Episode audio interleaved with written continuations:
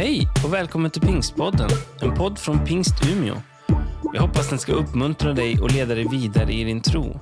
För att få mer information om Pingst Umeå och allt som händer i kyrkan, gå in på umia.pingst.se eller följ oss på Instagram och Facebook, at pingstumia.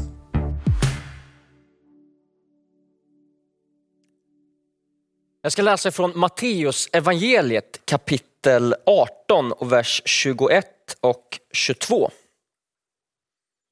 Då kom Petrus fram och frågade Jesus, Herre, hur många gånger ska min broder kunna synda mot mig och få min förlåtelse? Upp till sju gånger, frågar han. Och Jesus säger, jag säger dig, inte sju gånger utan sjuttio gånger sju. Vi människor, vi ställer frågor. Det är en del av vår vandring här i livet. Och det blir väldigt tydligt framförallt hos små barn. De kan ju ställa frågor om allt, högt och lågt. Till exempel, varför är himlen blå? Vad blir det för mat? Kan jag få godis? Vad händer när vi dör? Och det här är ett sätt för dem att orientera sig och, och, och växa och lära sig. Och vi måste få ställa våra frågor, det är en del av vad det innebär att vara människa. Och Jesus han ställde frågor till sina lärjungar. En fråga han ställer är, vem säger människorna att jag är? Och så svarar de att men några säger att du är en profet. Och sen ställer han frågan till dem, till Petrus, vem säger du att jag är? Och så säger Petrus, du är Messias, den levande Gudens son. Och den där frågan och det där svaret blir ju viktigt, inte minst för Petrus och hans egen vandring i, i tron och lärjungaskapet för, för Jesus. Och den här samtalsformen blev en del av Jesus sätt att undervisa.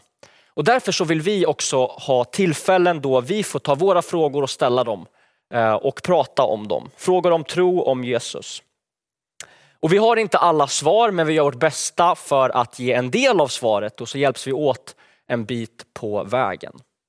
Och för att svara på de frågor som du och eh, vi har skickat in den här veckan så har vi med oss en panel bestående av Ulf Sundqvist, Eli Irambona, Hanna-Maria Holmefur och Emma Nandorf.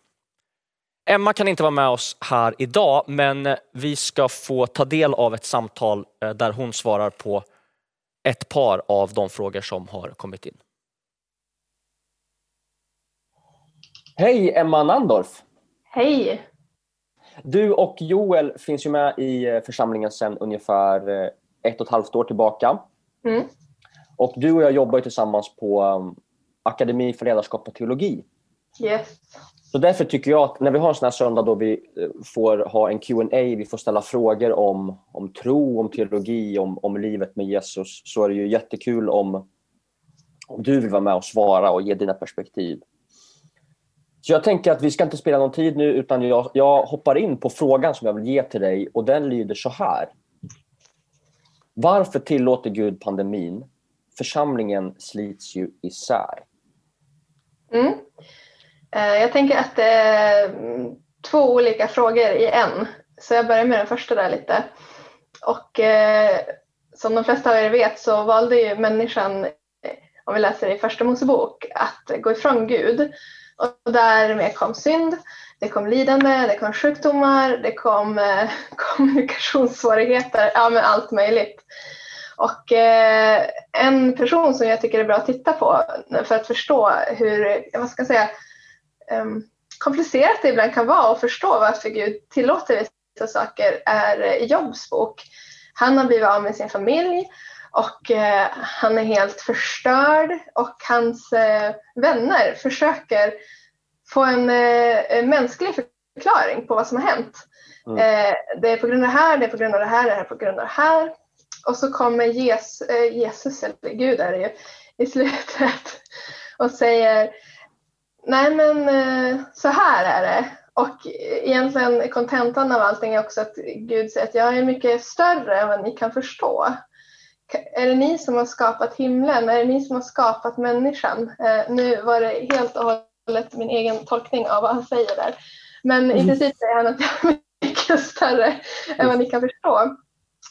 Eh, och det kan jag tycka är ganska skönt i sådana här perioder. För det är lätt att säga att ja, men Gud är med genom allt och så känner man inte alls att Gud är med.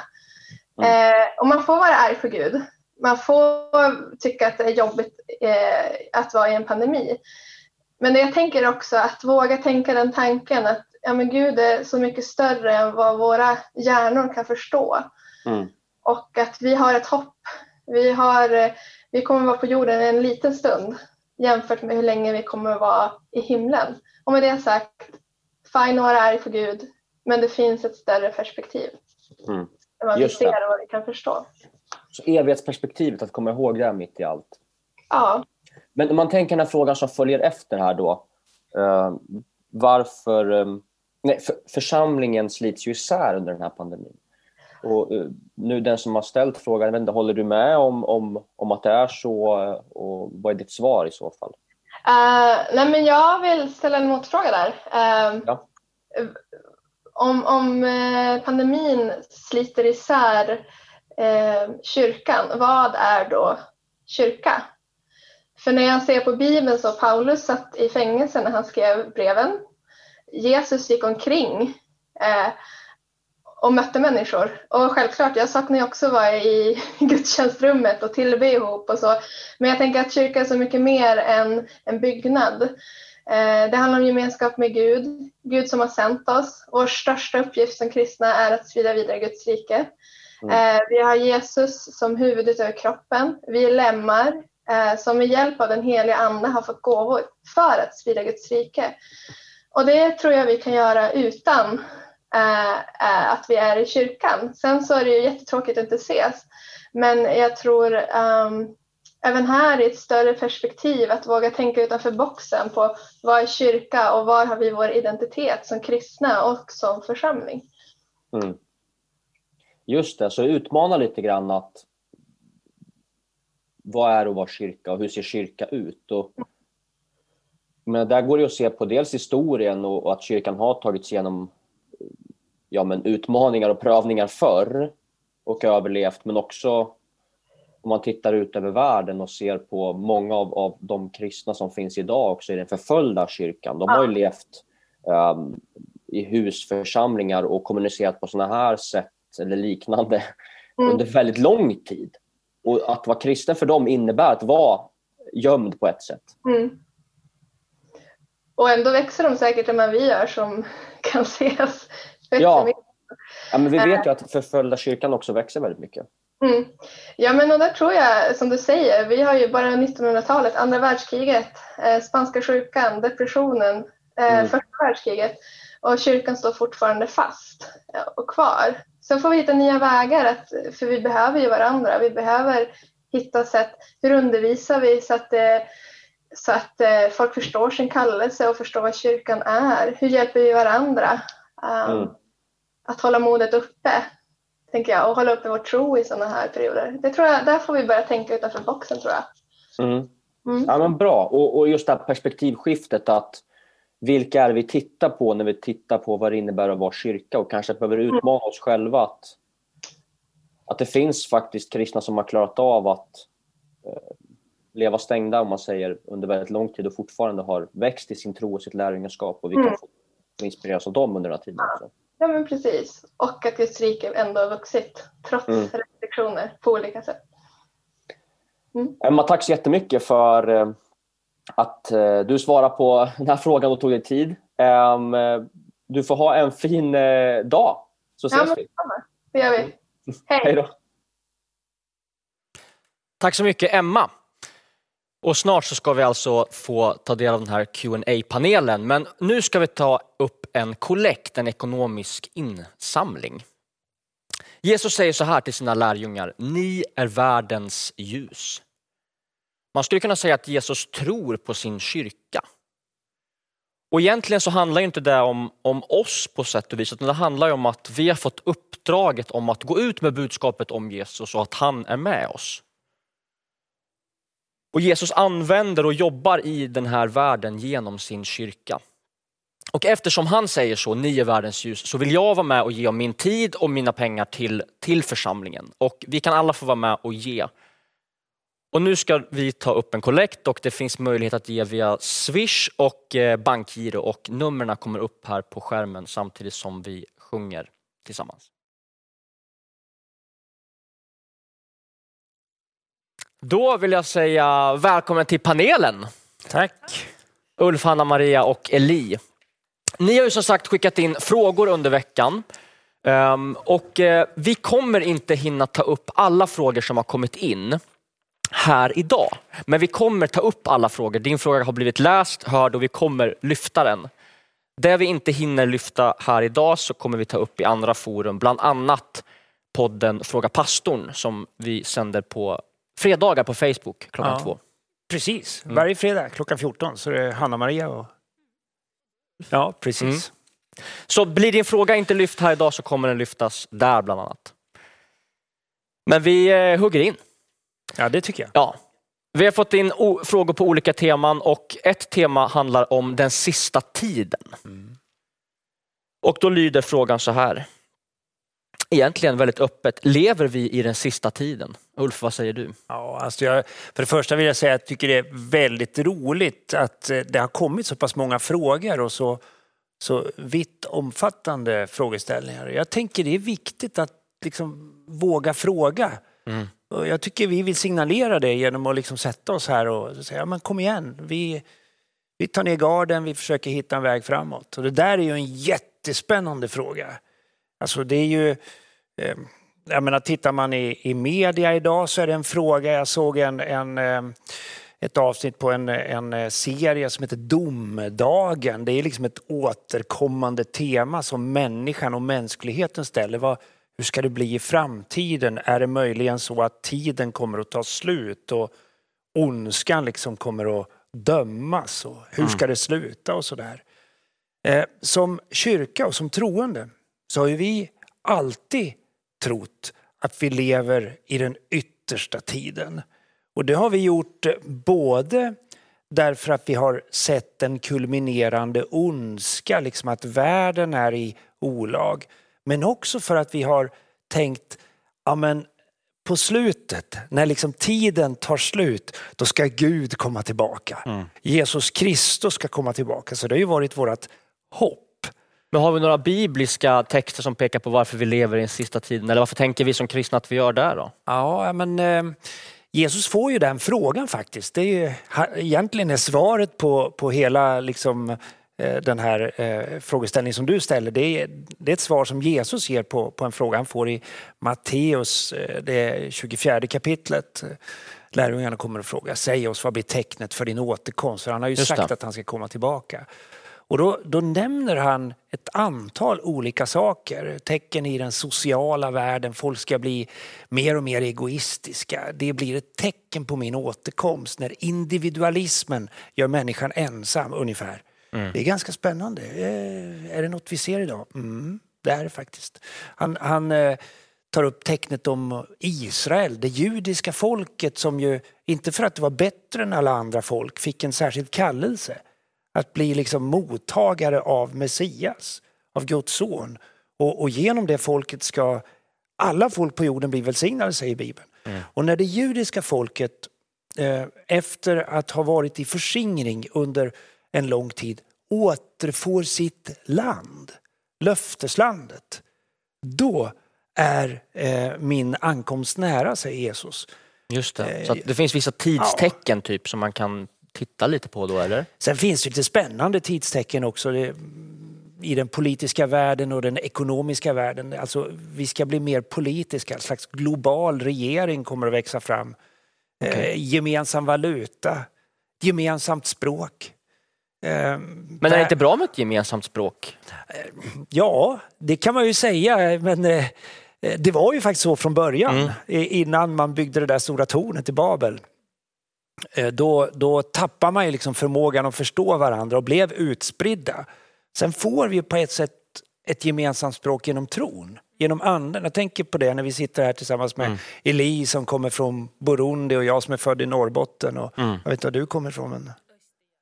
Östergötland. Nej, men vi har ju ett gemen, vi har ju trons språk. Va? Men, Ja. men eh, eh, det kommer också vara ett tecken på Alltså en globalisering kommer att vara ett tecken på att ankomsten är nära. Okej, så Och det då finns... behöver, eh, eh, återigen, det är ju tecken som pekar på att Jesus Kristus ska komma tillbaka. Det är vårt hopp.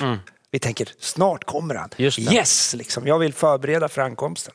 Okej, så vissa tecken, men jag tänker som oss, för oss som kyrka då, ska vi bara tänka att okej, vi vet det här eller hur påverkar det våra liv? Vad gör vi med det här sen då? Alltså Ska jag, vi sitta på vår kammare och vänta? Eller ja, ska men jag, vi... jag tänker att eh, eh, det var ju egentligen det som var drivet i pingströrelsen i Sveriges eh, födelse och man kan säga att pingströrelsen i Sverige föddes i början på 1900-talet. Den första boken som Levi Petrus skrev och publicerade den heter just Jesus kommer. Den skrevs 1912 och, och hundra år senare så kommer det teologiska nätverket i pingströrelsen ut med en bok som har samma namn.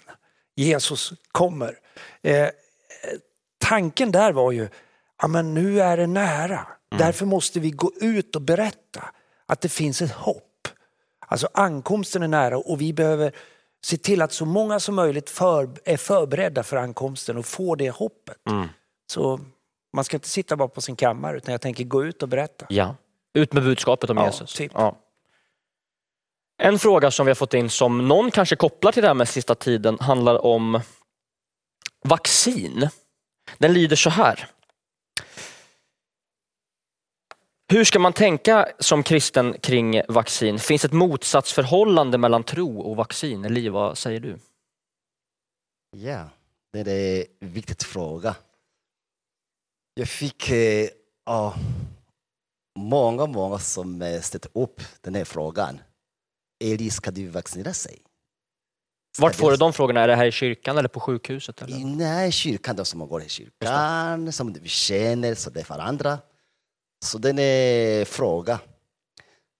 Så nu vet vaccin eh, har tre ledord, typ smittämnet, och sen det här är antigen och antikroppar.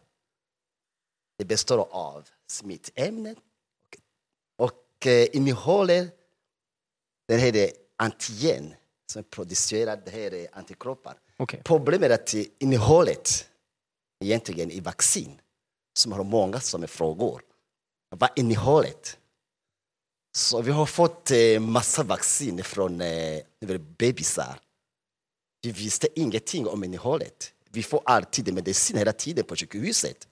Vi vet ingenting om eh, innehållet. Så den sista tiden, du vet, det är media.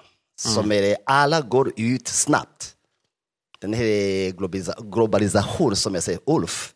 Så juden har varit kanske en, point, typ points någonstans. Det är jättelätt att få information om en stund.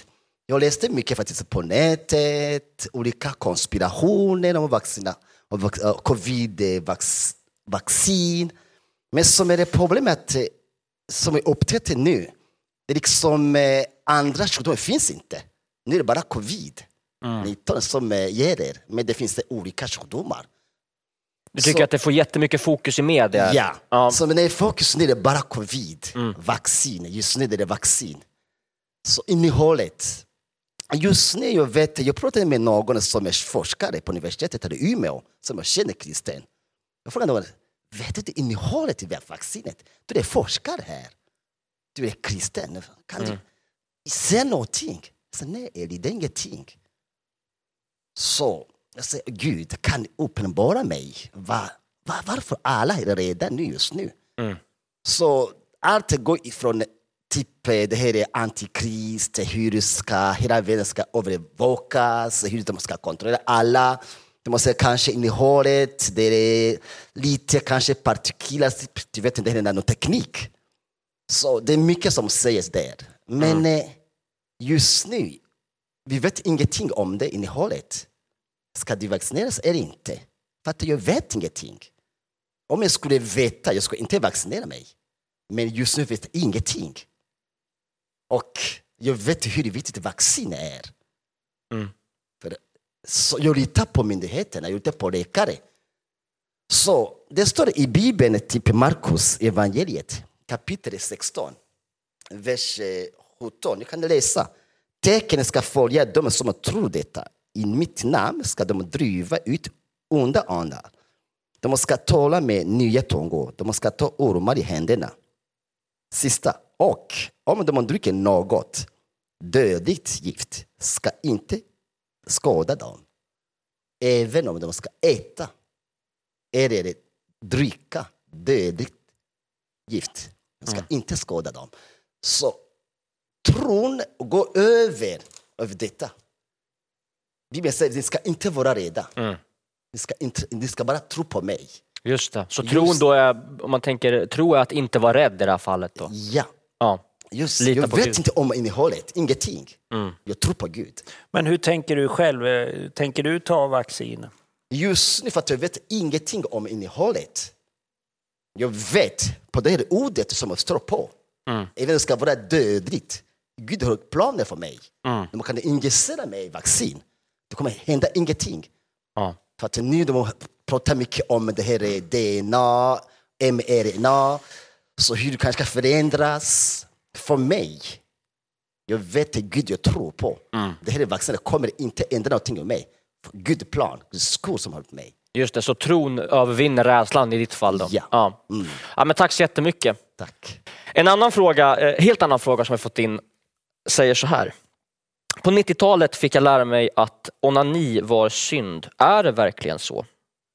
Anna Maria, vad säger du? Jag skulle säga ja, men det beror lite på. Ehm, jag tänker så här, att det Bibeln inte talar så mycket om, det ska vi som människor vara försiktiga att komma med absoluta sanningar kring och säga så här är det eller så här är det inte. Ehm, när det kommer till just onani så står det faktiskt ingenting uttryckligen kring detta i Bibeln. Ordet kommer därifrån, från onan, men det handlar om en annan situation än eh, självtillfredsställelse. Så att det...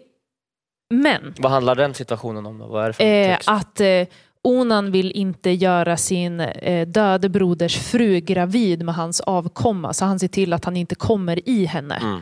Helt enkelt. Och sen därifrån har det kommit ordet onani. Ja, precis. Eh, men onani är ju en sexuell handling. Och Bibeln talar ju väldigt tydligt om att sex hör till äktenskapet mellan en man och en kvinna. Så att det är ju en handling som inte hamnar helt i sin fulla rätt förrän den sker i samspel med en annan person. Liksom. Ehm, vilket gör att det blir väldigt lätt så att eh, när man onanerar att man kanske då tänker, fantiserar om en annan person. Ja men där är ju Bibeln väldigt tydlig, Andra Mosebok 20 och 17, att ha, eh, ha inte begär till din nästas hustru. Så där blir det ju tydligt en synd om man går in i det. Eh, eller också att man börjar titta på ja, men pornografi. Och det är ju en diskussion som vi skulle behöva ha men som vi inte har utrymme att ha här. Men som vi jättegärna tar upp och pratar om i Fråga pastorn. Så skicka en fråga kring det. Ehm, men så att därför så eh, har vi det diket. Mm. Men det är ju inte liksom det enda diket utan det, det här det finns ju ett stort spektra. Ehm, Vad är andra diket då? Fin- Finns det ett dike på andra sidan? Ja, och där skulle jag säga att det handlar om snarare en rädsla för sin kropp. Okej. Där man har blivit eh, inlärd och itutad just att ja, men, det sexuella, liksom, sex är eh, syndigt om det inte sker i ett äktenskap.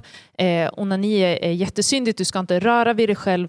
Så till den grad att man blir rädd för den egna kroppen och att man kan känna ett äckel och avsky inför det egna könet.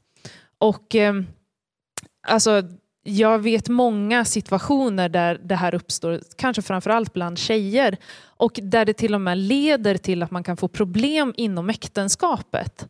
För att det man ska vara medveten om att om man har intalat sig själv någonting under så många år så försvinner ju inte den, de tankarna bara för att man har gift sig.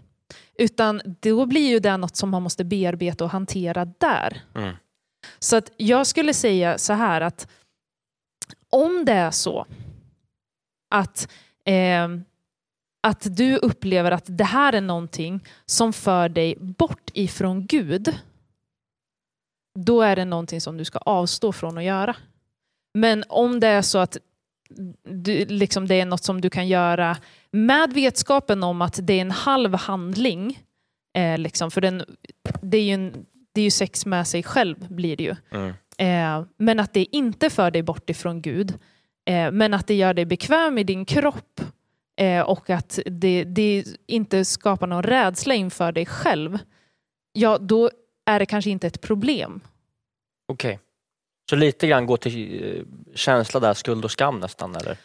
Ja, och skuld och skam kan ju bottna sig i många olika saker som man behöver bearbeta och fundera i. Vart, Mm. vart kommer det här ifrån? Men, men till sist och synest, hur påverkar det här min relation med Gud? Påverkar det på ett positivt sätt eller har det negativa konsekvenser? Varför har det negativa konsekvenser? Okej. Ja.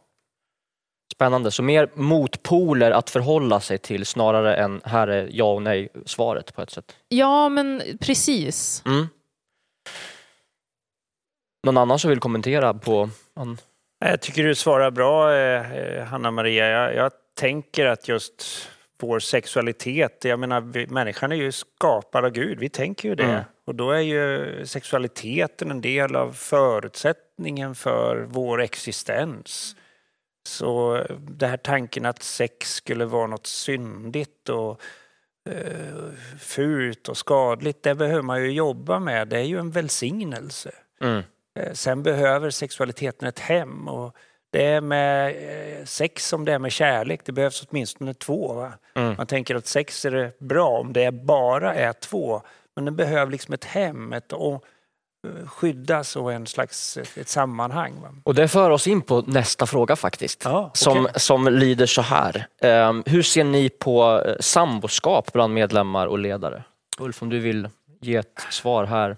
Ja, men det, ja, men det tror jag är en, en, det är en bra fråga att ställa för att eh, hela vårt samhälle har ju förändrats. Eh, från att ha varit ett samhälle där man när man blev vuxen så gifte man sig och på så vis så bildades en, en ny familj. Och då mm, visste man, eh, samhället förväntade, kyrkan förväntade att man tog liksom ett ansvar för den relationen genom att gifta sig med varandra. Mm. Och, och det skyddet behövdes både för, för eh, kvinnan och för mannen men, men också för de barn som kommer till i, i en sån gemenskap. Men behövs, behövs det skyddet idag då? Ja, det, alltså, samhället har ju konstaterat att eh, ja, men så här gör ju inte folk idag. Mm. Och, och då uppstod ett problem och särskilt problemet för, för kvinnor. För flyttar man ihop och oftast flyttar in hos, hos mannen som inte sällan har bättre ekonomi, bättre ekonomiska förutsättningar så drabbas kvinnan återigen. Så det är ju liksom ett, ett problem. Då, då instiftas ju sambolagen, jag tror den kommer på 80-talet. Eh, som ju på ett sätt skyddar relationen. Men skulle man få barn i ett, i ett samboförhållande så eh, är det faktiskt eh, så att om en av föräldrarna dör så i ett äktenskap då är vi ju föräldrarna varandra. Men då står föräldern arvslös, det är barnen som ärver. Så relationen är inte skyddad. Ja, men, här, Så här det får, finns ju en civilrättslig eh, syn på det där. Precis, här får vi ju den eh, samhällsaspekten av det hela. Men Ja. om det finns någon, finns någon bibeltext eller finns det någon, man går till Bibeln, så här, vad säger Bibeln om det här? Ja, men Bibeln promotar ju äktenskapet. Eh, den gör det, äktenskapet mellan en man och kvinna. Det är till och med så innan syndafallet så, så förs ju mannen och kvinnan samman. De ges till varandra och säger, sen kommer de där, de där, de där orden, därför ska en man överge sin far och mor, hålla sig till en hustru och de två ska bli ett. Det liksom konstituerar det som Bibeln beskriver som ett äktenskap. Och, och, och läser man sen Bibeln så ser man att det är kopplat till kärlek, det är kopplat till löften om livslång trohet. Och mm, man kan ju tycka var, var, varför, varför säger Bibeln det där? Men det vi förstår är ju att det handlar om att, att värna relationen. Okej. Och vi som, eh, som kyrka då, vi, ja, men vi lär, vi undervisar, vi promotar äktenskapet. Inte för att eh, vi är småborgerliga eller har någon slags viktorianskt ideal eller så, utan därför att Bibeln talar om det här som någonting som är bra för mannen, för kvinnan, för familjen och för samhället, för församlingen och, och samhället. Mm. Du, vad säger du Anna Maria? Ja, men jag tänker en, en viktig aspekt i den här är ju faktiskt den ekonomiska idag. Alltså det, går, det är svårt att komma undan att, att ha två olika lägenheter blir ju dyrare. Mm. Men jag... Jag tänker för ett par som är tillsammans då. ja. Precis, för ett par som är tillsammans. Så. Eh, men, och där tänker jag att vi som församling vill ju hjälpa de par som faktiskt vill eh, liksom vänta med att flytta ihop och så. Och då tänker jag så här att Gud, om han nu säger att det är så här han vill ha det, att äktenskapet och så, då vill ju han också vara med och hjälpa och stötta de som vill gå den vägen. Så jag tänker att det får ju bli en ekonomisk överlåtelse. Gud, då måste du hjälpa oss att vi har ekonomi och kan bära det här. Mm. Och skulle det vara så att det inte finns ekonomi som kan bära det här så kan jag faktiskt säga att ja, men, hör av dig till församlingen och fråga, finns det någon som har ett rum som vi kan få låna så att liksom, min partner kan få bo där tills vi gifter oss? Och jag kan ärligt säga att när vi ställde den frågan, jag och Christian, Mm. så har vi fått två svar på familjer som kan öppna upp sitt hem. Så att det, det går att hitta andra vägar. Så ekonomin är inte ett argument egentligen menar du då? Att vi hjälper till där? Ja, hörni, så här är det faktiskt. Vi, slutkommentar då Ja, i men så slutkom- fall. Nej, jag bara tänker så här, om man nu är beredd att flytta ihop och Mm. tänker att ja, men vi kan bo ihop, varför då inte gifta sig? Mm. Vad är det som hindrar? Man kan ju vända på det. Mm. Om man nu är beredd att överlåta sig till varandra på det sättet, varför då inte ta ett långsiktigt ansvar för relationen? Det vore väl en fin gåva att ge till sin sambo. Ja. Du, jag vill ge dig hela mitt liv. Allt jag är, det delar jag med dig. Allt jag har, det delar jag med dig. Det är en bra sista utmaning att skicka med till den som har Ja. ställt den här frågan. Vi måste sluta här. Tack så jättemycket för att ni har varit med och svarat och eh, lyft de här frågorna. Som sagt, det finns fortfarande frågor som inte har hunnits med. De kommer lyftas i andra forum. Vi kommer inte glömma bort dem. Vi sjunger en sång tillsammans.